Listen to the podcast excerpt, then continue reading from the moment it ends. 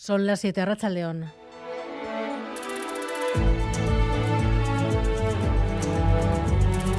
Gambara con Arancha García.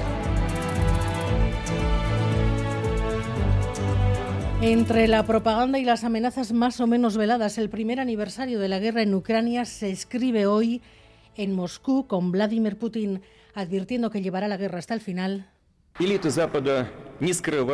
los occidentales no esconden su objetivo de conseguir una derrota estratégica de Rusia. Esta vez hablamos de la existencia de nuestro país y ellos tampoco pueden dejar de darse cuenta de que es imposible derrotar a Rusia en el campo de batalla. Por ello, lanzan ataques de información cada vez más agresivos contra nosotros. Se escribe también en Polonia con Joe Biden advirtiendo que no hay ni va a haber fisuras entre los aliados de Ucrania. He doubts whether NATO can remain unified. But there should be no doubt. Our support for Ukraine will not waver.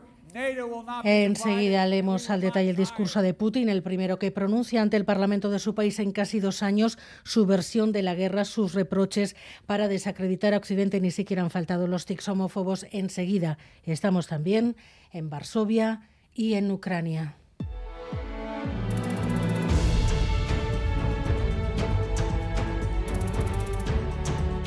Y sobre el control de las armas blancas, decisión del Gobierno vasco en torno a las discotecas y el ocio nocturno, el Departamento de Seguridad va a decidir de forma individual, caso por caso, si obliga o no a una discoteca a tener seguridad privada. Lo que habilita es a la dirección de la Archancha para adoptar resoluciones individualizadas, descansando sobre datos objetivos relacionados con la seguridad para establecer esa obligatoriedad. Bueno, hay ya una resolución dictada en relación con una discoteca de Bilbao que se va a comunicar hoy mismo, la discoteca Brutal, porque objetivamente hemos detectado que hay motivos objetivos, hay ilícitos administrativos y, penales que se han producido en el entorno en número suficiente. Junto a la discoteca Brutal, la única que se ha abierto ese expediente a Maya Zabala, Racha León. A León sí hemos hablado con los vecinos de Alameda Recalde, la calle donde se encuentra la discoteca que nos han dicho que están hartos por todas las peleas y trifulcas que ocurren en el exterior de la discoteca. Insisten que llevan 40 años denunciando la situación y pidiendo su cierre a las instituciones, pero que no han conseguido nada. Les escuchamos. Sé que los vecinos se han quejado. Nosotros la música no la oímos. las peleas más que nada. Es las peleas. Cuando vuelvo de fiesta con mis amigos y tal, siempre vemos aquí mucha policía porque ha habido problemas y así y pues eh, siempre eh, tengo que llamar. Enseguida volvemos a los alrededores de la discoteca brutal con Amaya Zabala. Ahora el PP pone el foco en la ley trans, dice que es peor que la del solo si es si Feijó. De hecho, pide al gobierno que deje de molestar a la gente de bien.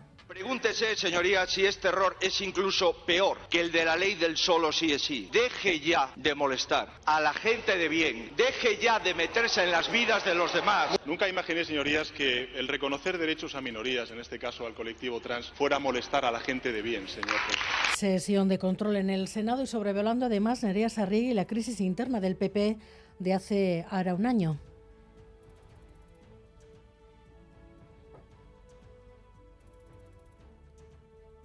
De coalición tras la ley del solo sí es sí. Los ataques de Alberto Núñez Fijo se han centrado hoy en la ley trans y respondía Pedro Sánchez recordando a Fijo que estos días se cumplen un año de la otra crisis, la del PP, que dejó fuera de juego a Pablo Casado tras la traición de los suyos. Un recordatorio que ha cerrado con una frase, señor Feijo, cuando se levante, mírese la espalda.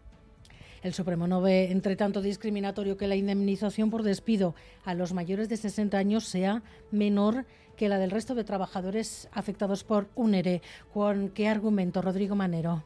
Sí, el Supremo ha resuelto el recurso contra un despido colectivo en Castilla-La Mancha.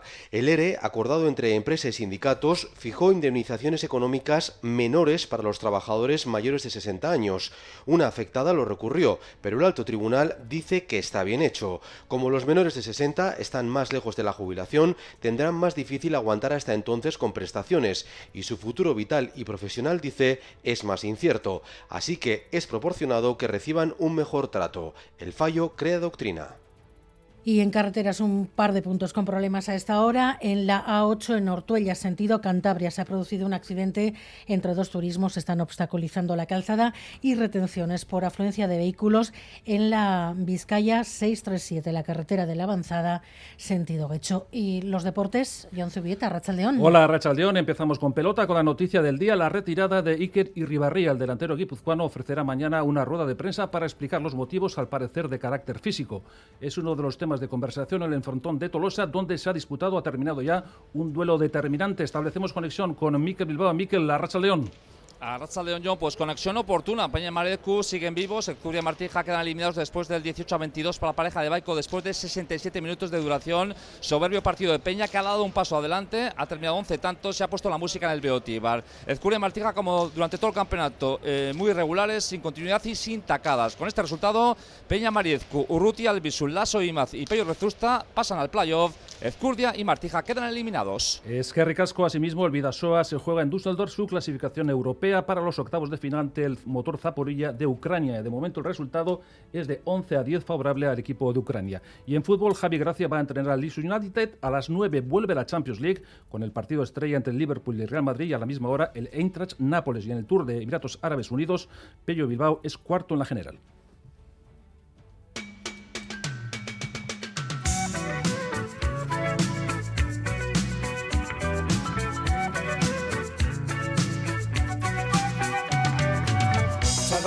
a Friday.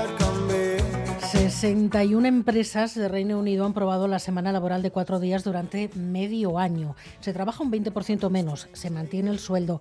Era una especie de prueba piloto. Hoy se han publicado los resultados, Gary Suárez. Y tras ese periodo de seis meses, los resultados de esta prueba dicen que los empleados que han participado, unos 2.900, tienen menos agotamiento, están menos estresados y además bajaron considerablemente las bajas por enfermedad y se mantuvieron los niveles de productividad. 56 empresas que han participado participado en el experimento ya han dicho que van a continuar con esa semana de cuatro días. Para el sociólogo Santi Pisonero, este estudio confirma lo que ya se intuía. Está habiendo una revolución en la manera de entender el trabajo muchos valores se están cambiando, incluso se, están invirtiendo. El trabajo no se contempla como se ha venido contemplando las últimas décadas, como ha contemplado la sociedad industrial. Se trabaja para vivir y no se vive para trabajar. La pregunta es si nosotros viviremos una semana laboral de cuatro días, si nuestra sociedad está preparada para ello pues seguir eh, optimizando un poco el tiempo para escribir la novela que estoy escribiendo. Entonces, podría ir por ahí a una casa por ahí tres días, alejada de la faz del mundo, sin internet y nada, y ala, para escribir.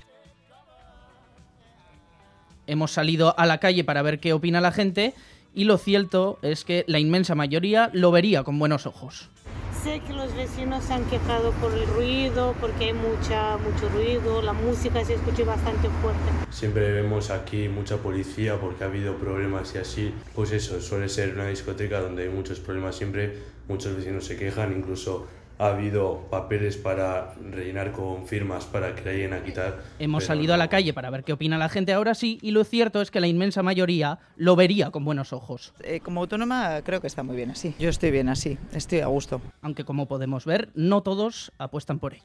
Miguel Ortez y Alberto Zubel ya están en la dirección técnica, Cristina Vázquez en la producción. Radio Euskadi, en el primer aniversario de la guerra de Ucrania.